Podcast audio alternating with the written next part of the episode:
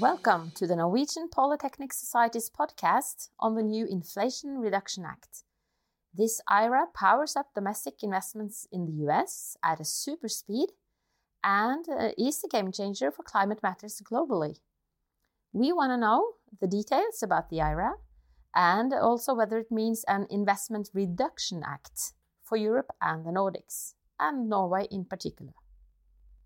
Please meet Gernot Wagner, professor at the University of Columbia, a climate economist and an IRA expert, with us from New York, and uh, Jonas Erraia, partner of Menon Economics, a macroeconomist and expert on the Nordic framework.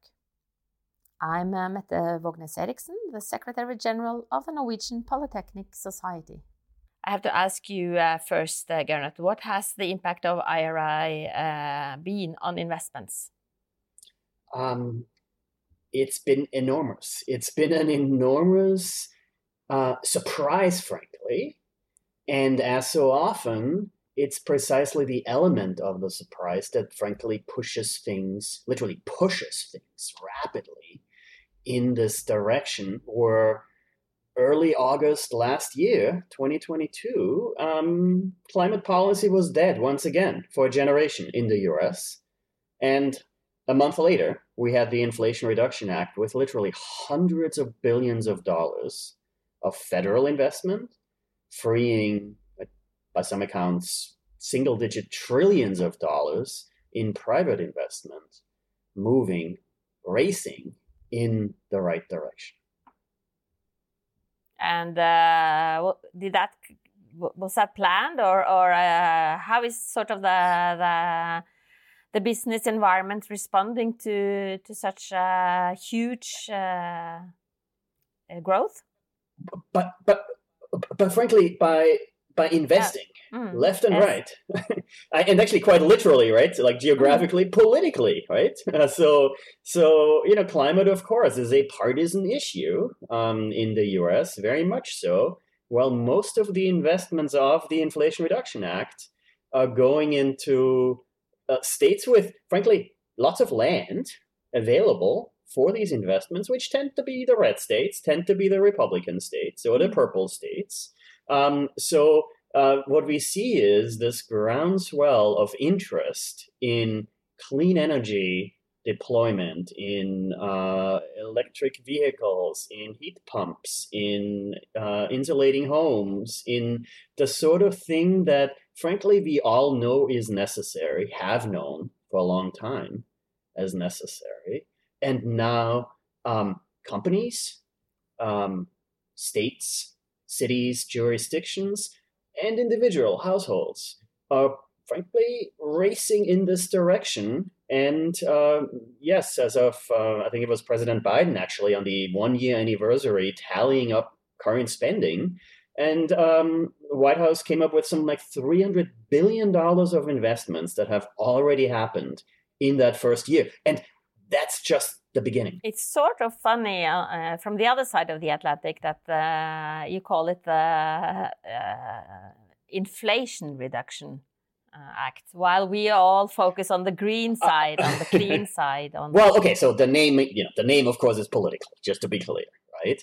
But frankly, actually, the name derives um, very directly from the other side of the Atlantic. Isabel Schnabel, a German member of the European Central Bank's executive committee who coined the term fossilflation. Mm. Um, made uh, had her 15 minutes of fame of the front pages of Financial Times and so in like February last year, 2022, um, when she talked about the race between fossilflation on the one hand, climateflation on the other, and greenflation. Right? What are those three? Well, fossilflation. Um, you know, when guy in Kremlin blows fuse and invades another sovereign nation on February 24th. Uh, by Monday, February 27th last year, um, gas prices were about five times as high as they were the prior week, right? Mm. That's fossilflation. What's the answer? Getting off fossil fuels. And yes, this is what the IRA is set up to do. Not right, not overnight, inflation didn't decline in the US because of the IRA overnight. If anything, and this is this other element here, greenflation, again, Isabella Schnabel's term in this case, um, that rapid investment in clean, lean, mean, or renewable technologies um, also means that prices might rise. And the trick, the policy, um, uh, the task for policymakers is to balance those and to frankly understand that um, greenflation is a sign of things happening in the right direction. And yes, that means we need to increase supply of solar panels, heat pumps, and so on. Um, while uh, fossilflation is uh, the sort of problem, the sort of perennial problem that we need to get away from. And the IRA is perfectly set up to do this. It is sort of uh, perfectly uh, uh, set up as to not to pick winners in advance, but uh, to reward them. Or, or how is the structure? so okay, so that's that's debatable, right? So okay, as an economist, um, worth you know their PhD, I am obligated to tell you, right, that internalizing the negative climate externality screams for pricing emissions. Right, you price each ton of CO two and you get out of the way. The Inflation Reduction Act, actually, sort of little known, frankly, but it also does include prices. It includes a price on methane emissions, methane leakage from oil and gas pipelines, and so on. So um, it includes a price. Um, but it does not include a federal price on CO2. It focuses on the supply. It focuses on subsidizing renewables, subsidizing uh, clean hydrogen, subsidizing the low carbon, high efficiency technologies, which does come with an element of picking winners, right? You've got to define the tax credit that says, and this qualifies, whereas that over there doesn't. Um, now, that said, while pricing carbon is economics 101, subsidizing clean technologies very much economics 102 perhaps, right? It's subsidizing the positive spillover, the positive externality. And yes, that is what the Inflation Reduction Act focuses. That's music in uh, any economist's uh, ears. Do you agree, uh, Jonas? Yeah, I do. I mean, you you need to be careful on on exactly what you mean when you say does not pick winners, right? Because if you mean individual companies, yeah, well, the IRA doesn't pick winners. Uh, you let any company that reaches the the point of uh, commercial production get the tax credit, but you still pick winners in terms of the actual. You're not technologically technologically neutral. You pick winners in terms of what what uh, sectors you think should should help solve the the uh, the climate crisis, and you pick winners in terms of also the technology, because because you're gonna some companies are gonna log in uh, uh, technology and and um, and in a sense that's a, a, picking of winners as well, just another one. And do you see the same uh, picture? Is this the story as been told from uh, from the Europe and Nordic side as well, or is it uh, a very American flavor uh, coming from uh, from Gernot? I, I, think that's that's the exact same view we have, right? We, we as in as in as in Europeans, but but but I mean, uh, uh, just a small note that's that I believe to be very important here is to dis, um, to uh, distinguish between renewable energy production and the rest of the green supply chain, right? Because, if you look at the rest of the green supply chain, everything Gernot said, I'm 100% agree with if you look at renewable uh, energy production, you have some problems in the US, which you quite frankly have in, in the EU as well, which are not solved directly by, by subsidies. Um, you have some permitting processes that are super slow. Um, and, you know, you hope that that's going to be uh, figured out both in the, the, US and the EU, but that's not um, directly uh, part of the, the IRA. Uh, in addition, the, the, um, you already had subsidies for green uh, power production in the US, and they've gone up. They've gone up, but they're still at the same level as, as the EU. So the big difference between the EU and the US are, are in in uh, kind of the rest of the green supply chain. And maybe to pile on here, right? So the EU, in many ways, has a real structural advantage on the climate policy front in that it does have a price on carbon right? The European emissions trading system does establish a price on uh, 50% of Europe's CO2 emissions, approximately, of around 100 euros per ton. And then you have the Swedish carbon tax of you know, over 120 or so euros per ton of CO2, and the German carbon tax currently at like 35 euros per ton and so on, rising at 5 euros per year automatically. Um, so there's the structural advantage in Europe um, vis-a-vis uh, the the pull, the demand pull, which, to be frank, does not exist in the US. What the US has is state level pricing systems. California has one, uh, thanks to you know fellow Austro-American who signed emissions trading into law there as the governor, right? So thanks, Arnie. Um, uh, New England states, the Northeast, um, have emissions trading systems with a much lower price, but still. Um, and then, frankly, okay, I sit here in New York City, so uh, New York actually lots is happening at the very local level. So starting next year, 2024, New York City has one of the most ambitious building decarbonization laws come into play. Uh, Local Law 97 that creates this enormous pull on the demand side for right? Efficient building insulation, uh, heat pumps, solar panels, and the like. Um, and frankly, actually, the second element, congestion pricing, um, also at the local level, level uh, coming into play um, uh, in 2024. Uh, you know, a fee to enter Manhattan, uh, New York City, uh, with your with your car. So you know, London, Stockholm, and so on. Um, European cities have had that sort of system in place. Well, the New, uh, uh, the New York region now is, is racing in that direction um, with these two laws coming in play next year. Um, what's lacking is a federal price here in the US, right? So this is very much a US focus on green industrial policy, which Europe has not had. Europe has had the more free market, if you will, um, uh, put a price on carbon and get out of the way, which is somewhat ironic, right? You would usually associate that the other way around. Um,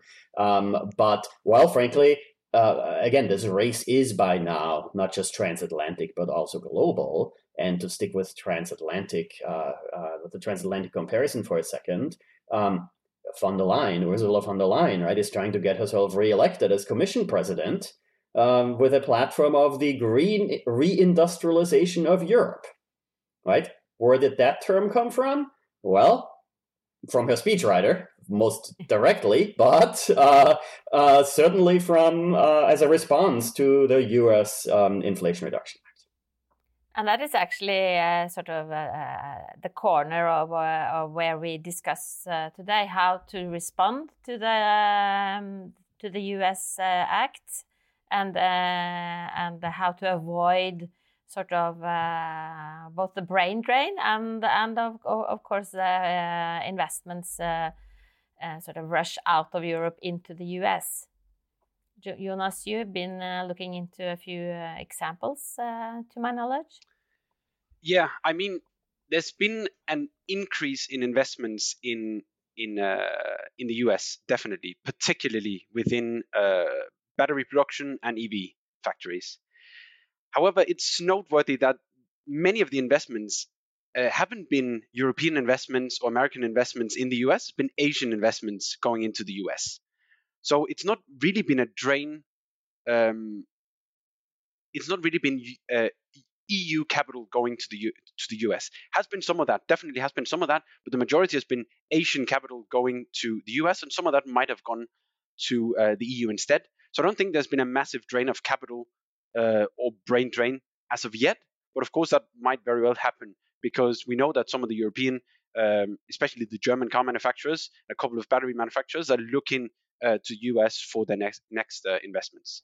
So that's a little bit of an uh, a, too broad of an overview, but that's that's kind of how uh, how we see it.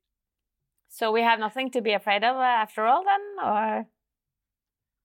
I mean, I think I think Europe has has responded quite um, when I say Europe now, I'm, I'm talking the EU. I think it responded quite wisely, and and the EU has has have been responding with a, a remarkable speed for Europe.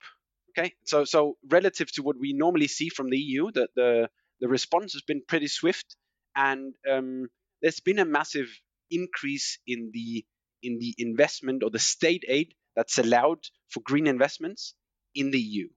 And of course, it's still much lower than in the US. We've done some comparisons, and you know it's off the charts what, what's happening in the US.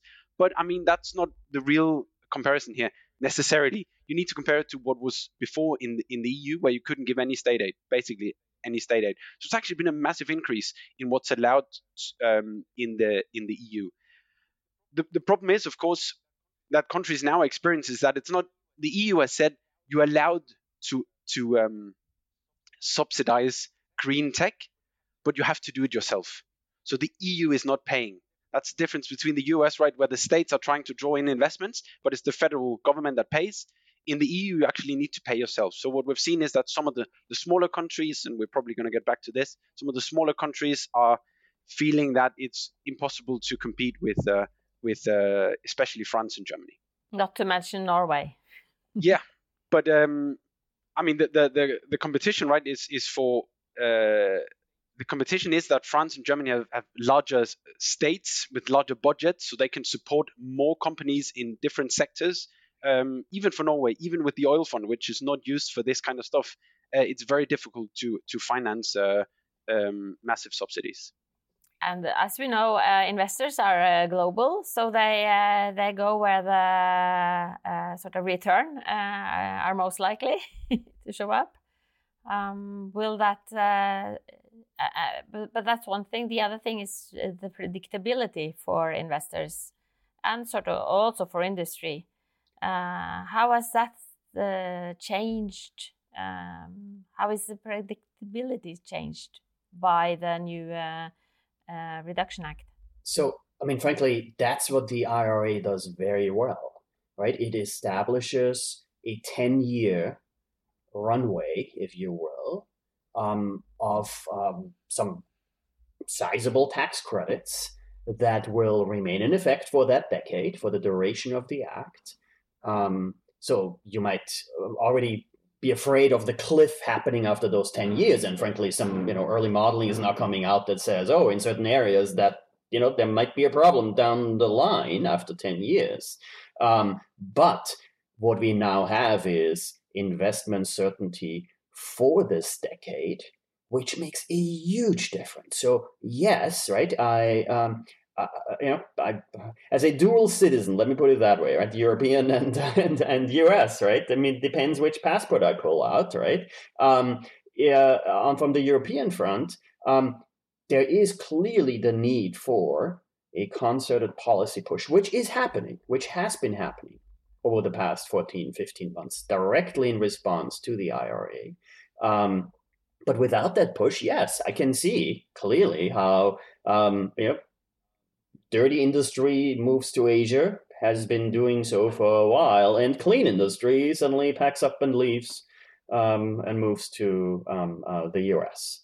Right, and we see examples of this. Right, we see how you know Europe's only vertically integrated solar company, Meyer Burger, right, is opening a plant in the US.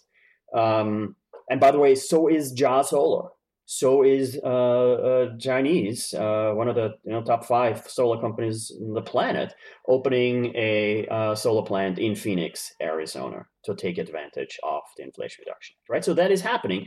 That, of course, in many ways was the intention of the IRA. Um, and now you could argue, oh, that creates the sort of beggar thy loser subsidy race, race to the bottom. Well, okay, given where we are, given where we ought to be from a climate perspective, I would very much say that's the starting shot for the race to the top, right? Because no, we are not yet doing enough.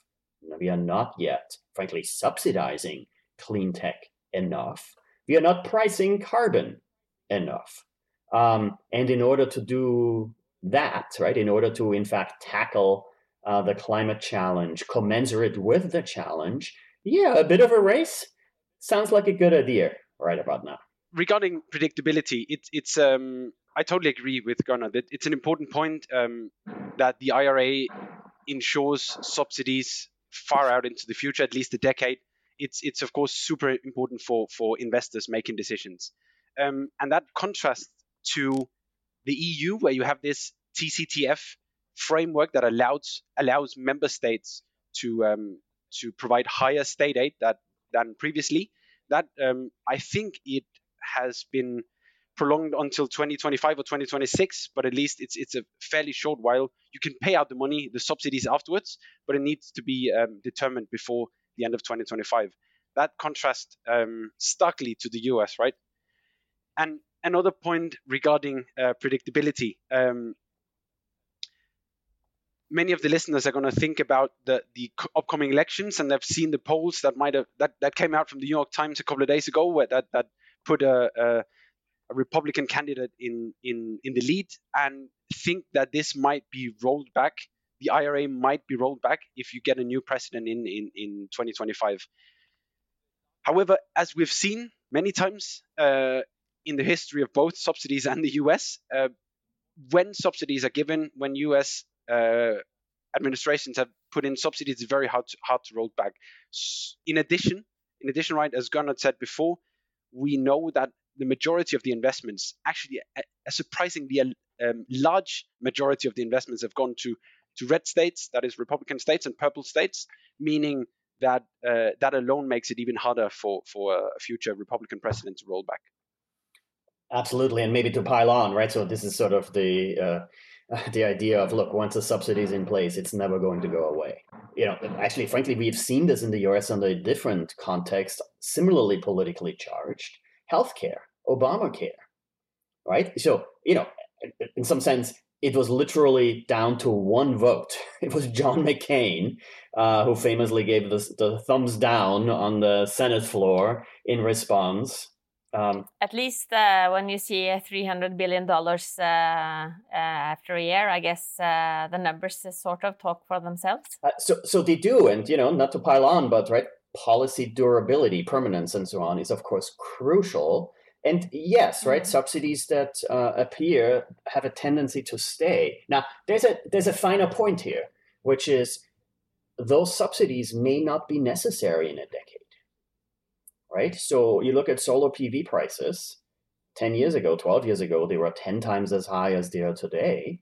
Uh, where solar in many ways was sort of, oh, this technology that, okay, wouldn't it be nice if we could continue climbing the learning curve, sliding down the cost curve? We did. And prices uh, are now a tenth of what they were a decade ago. And right, IEA, International Energy Agency, declares solar PV, has declared solar PV the cheapest source of electricity in history. And it is. Um, well, something similar goes for uh, you know, heat pumps, uh, induction stoves, and the like, right? So we're actually, okay, New York State has banned gas connections in new buildings starting next year, starting January 1st, 2024. Germany wasn't able to do that big political backlash right? Now of, of course right? New york state is democratic. New york state is uh, is the sort of state that you would expect to take this sort of step.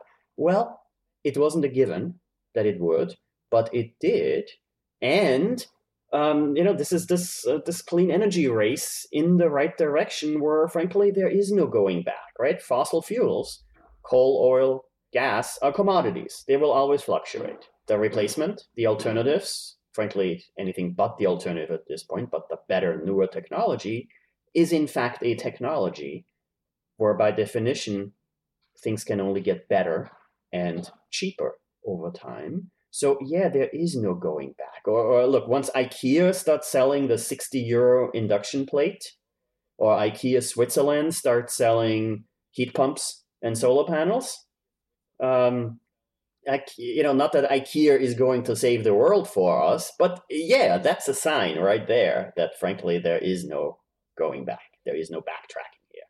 I spent a decade in uh, in PV, uh, solar energy uh, myself, and I'm so pleased to see uh, sort of the global uh, uh, prices now due to a lot of. technology development, but to be honest, advanced policy development as well. Absolutely. Right. I mean, this is the moment where I would say, you know, the rest of us, it is incumbent upon us to start brushing up on our German and Chinese and start mm-hmm. writing thank you notes to German households for it, for subsidizing the demand side and for the Chinese to subsidize the supply side. and just just a quick note on this because this is this is a little bit by the by, but it's a super interesting story, right? China subsidized. Um, I don't know if I'm allowed to swear on this podcast, right? But the, the hell out of of uh, solar PVs in the 2000s, and were that um, efficient and an economics 101 uh, way of looking at the world? No, absolutely not. It wasn't. But that drove down the technological um, drove down the price through technological advancement. So uh, on the long in the long term for the global uh, economy and the global climate, it was it was definitely worth it, right? And something might something like that might happen in the IRA.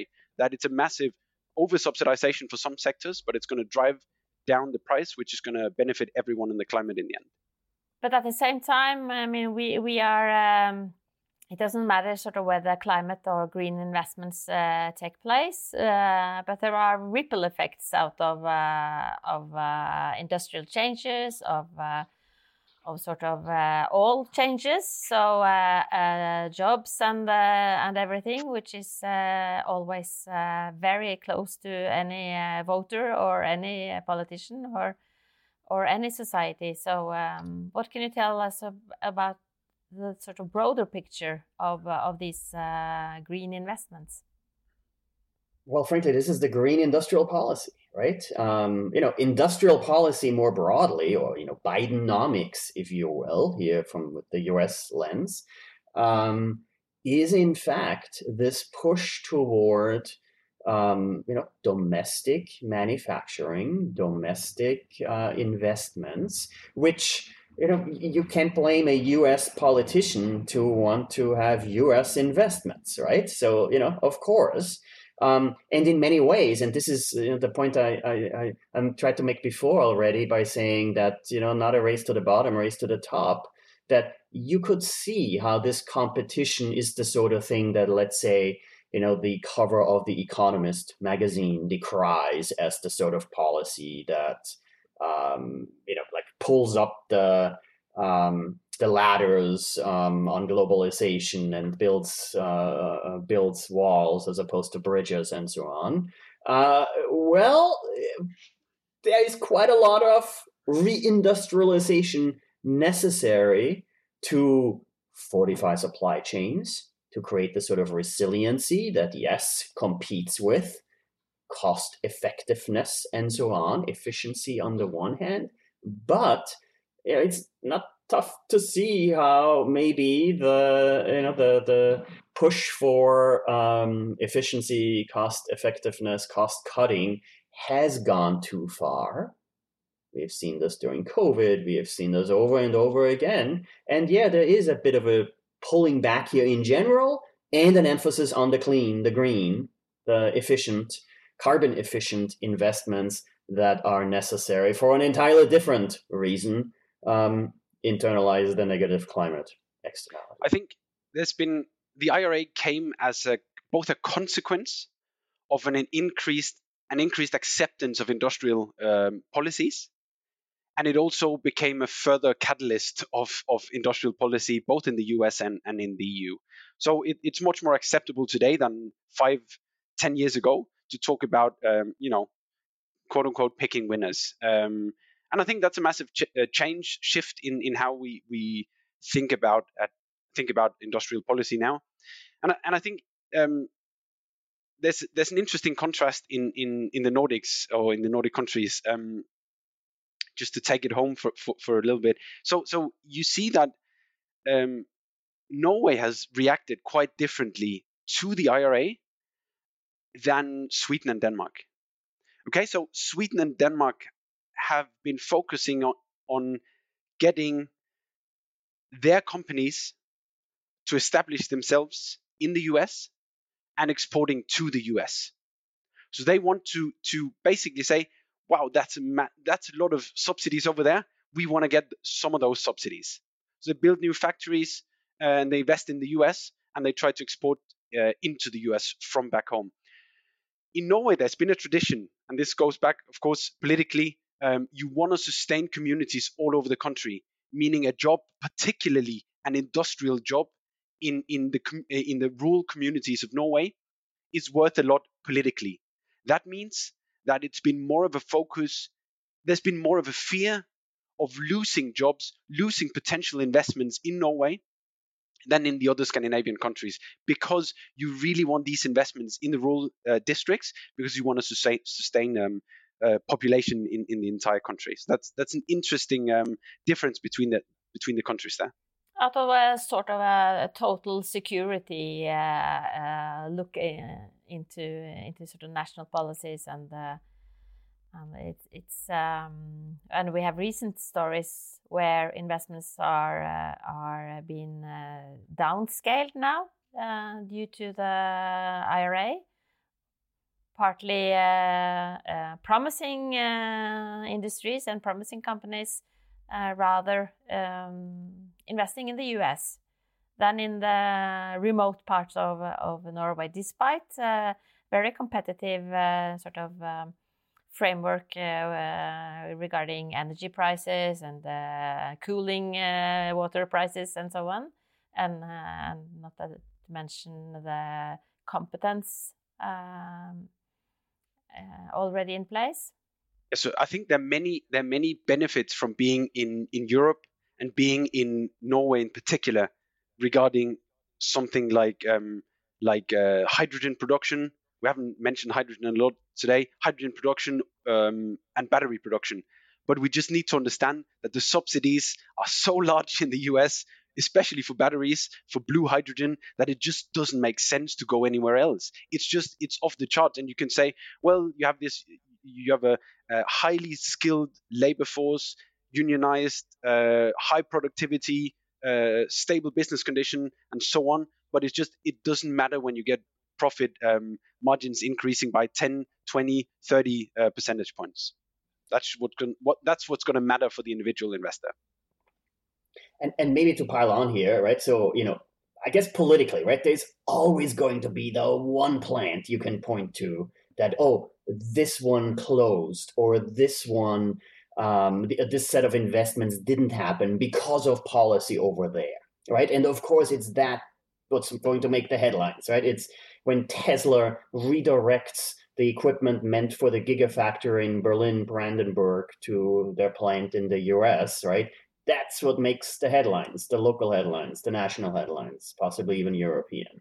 Um, what you don't see is the fact that the Inflation Reduction Act, overall, the investment in the US, leads to such large positive productivity uh, increases, learning by doing spillovers, that when you sort of take a big step back and look at sort of the macroeconomic model for what is GDP in Europe in 2030, with or without the Inflation Reduction Act, you see that, frankly, not just in Europe, anywhere around the world, uh, GDP goes up, not just in the US, where you would expect that to happen, but everywhere else because of the IRA of 2022, right? So it's the sort of big picture thing that yes, we here in the US, in Europe, are benefiting from Chinese solar production subsidies from the early 2000s because of the global spillovers here.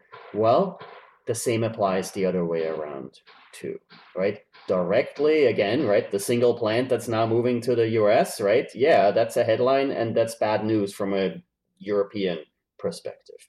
Overall, um, can we expect productivity spillovers? Can we expect just just looking at economic growth um, for there to be benefits from the IRA? Frankly, everywhere, almost everywhere around the world. Yes, absolutely. So is this a, a race to the top? Uh, is it a hurdle uh, globally? Uh... What do you mean by hurdle, right? So I mean, it's a race to the top, right? It is a race, right? Actually, it might be, uh, you know, it might be. It, it's it's not a straight line. Let's put it that way, right? It's not a hundred meter dash, right? It's not where you know everyone knows sees the goal line and you know precisely where to run and uh, you know whoever is faster wins, right? Um, it's uh, you know what I, I I might call it sort of co-opetition, right? Competition, yes, sure Cooperation? Absolutely, yes, that too. And of course, right, so there's a fine line between cooperation among companies and, frankly, you know, illegal collusion, right, and so on and so forth. So none of this is quite as simple as saying, oh, look, everything is happy. Uh, we are, you know, we're doing the right things here. Um, and the and the goal is clear. No, it's gonna, you know, it's two steps forward, one back, a couple st- sideways, and so on and so forth. That will always happen overall, are we moving in the right direction? And is the IRA pushing us in the right direction? Yes, absolutely. Are you the same uh, kind of uh, macroeconomic uh, optimist, uh, Jonas? Yeah, if you're looking at at the macroeconomic picture of the entire European Union or the EEA, with including Norway and so on, yeah, I, I am. I, I think we're going to be fine, right? We have a massive problem of not enough people. So, so in a in a macroeconomic condition uh, such as ours, losing, I'm going to say it a little bit uh, flippantly, a couple of jobs are not going to do us anything bad. We we still have jobs for everyone, um, and for the climate, there's no doubt this is this is a this is a benefit for for the climate. Basically, the U.S. federal government is subsidizing the the the uh, reduction of climate uh, global climate gas emissions. So no doubt about it. However, I, I, think we should also keep in mind that, of course, as we saw in during the 90s and the early noughts, um, even though something is very good for the whole, for regions or, or large countries, um, continent or large, large countries that is, it might be bad for some smaller regions, and it might be a problem for some local communities, and we need to take that seriously. And that's why the European Union has has has um, uh, made it possible to support uh, companies, made it possible for member states to support uh, investments in their countries, right? Because we, we need to take it seriously that this is the this is some of the supply chains of the future, and for some of the smaller communities where you can actually support even more the district or the, the rural communities, um, this might be a problem. Um, and there's a case, case for supporting some of the investments there and their grief, of course, we need to take seriously. But yeah, overall, I'm I'm I'm, I'm optimistic about this. I think it's a good thing overall. But then uh, people live in uh, microeconomic uh, surroundings, so uh, so we have a, and it's also about this uh, fair uh, transition. So one thing is the global or the European GDP, but but really the distribution of the GDP and and as you said, uh, Jonas, in, in Norway, where we actually are depending on uh, people living uh, also in more remote areas and, and where we have sort of industrial hubs uh, that uh, are pretty well uh, fit for the future. if it wasn't for this disturbing IRA showing up. Well, okay, so to be clear, right? Change is hard. And, well, climate change, let's start with the big picture, right? Climate change means change, full stop. Right?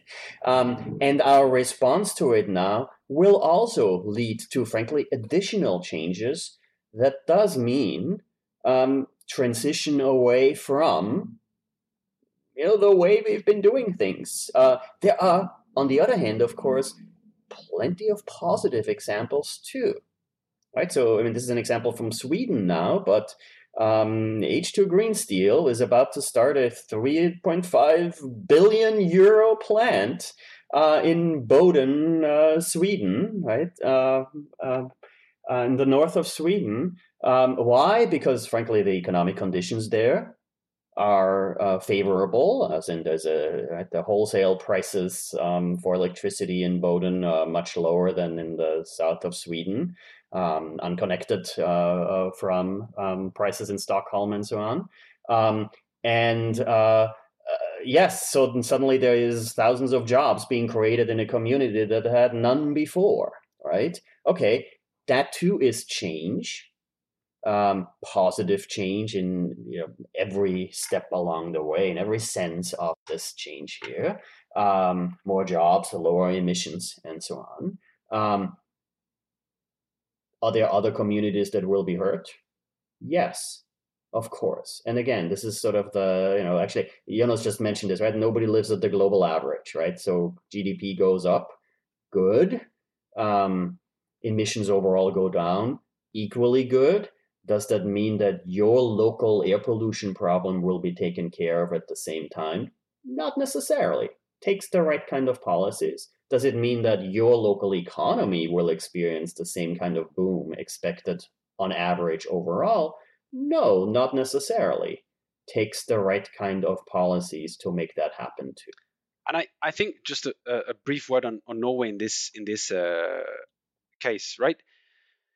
We saw that before the IRA, Norway had built up significantly less of a green industrial supply chain than Sweden and Denmark.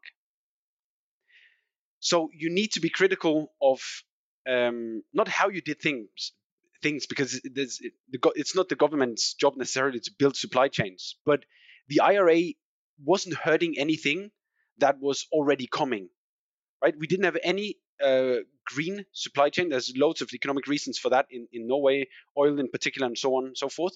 But we didn't have that before the IRA, and we cannot really blame the IRA that we don't have it uh, after the IRA. We need to be sanguine about that. We need to be be uh, realistic about that. We need to do more in order to to to build these local supply chains. We needed that before the IRA, and we need that after the IRA. So to wrap it off, uh, boys, uh, 2030 as sort of tomorrow, uh, where will we see uh, green investments? Yeah, definitely. Yeah, yeah. I mean, I mean, th- there's going to be a shock right now in the next couple of years where the IRA is going to make sure that the U.S. sucks up most of the investments going towards 2030 that's going to be uh, it's going to be um, evened out a little bit and i think we're going to see uh, enough investments in in the eu both in, in renewable power production and in the related supply chain on that happy note, uh, thanks a lot, uh, Jonas uh, Erraia, the partner of uh, uh, Economics, and uh, a lot of uh, thanks over the ocean to uh, Gernot Wagner, the professor at, at, the University of Columbia, directly from New York. Thanks so much. This was fun. And probably we need to say, you know. Um, it's not a hasta la vista, is it? It's more of a I'll be back.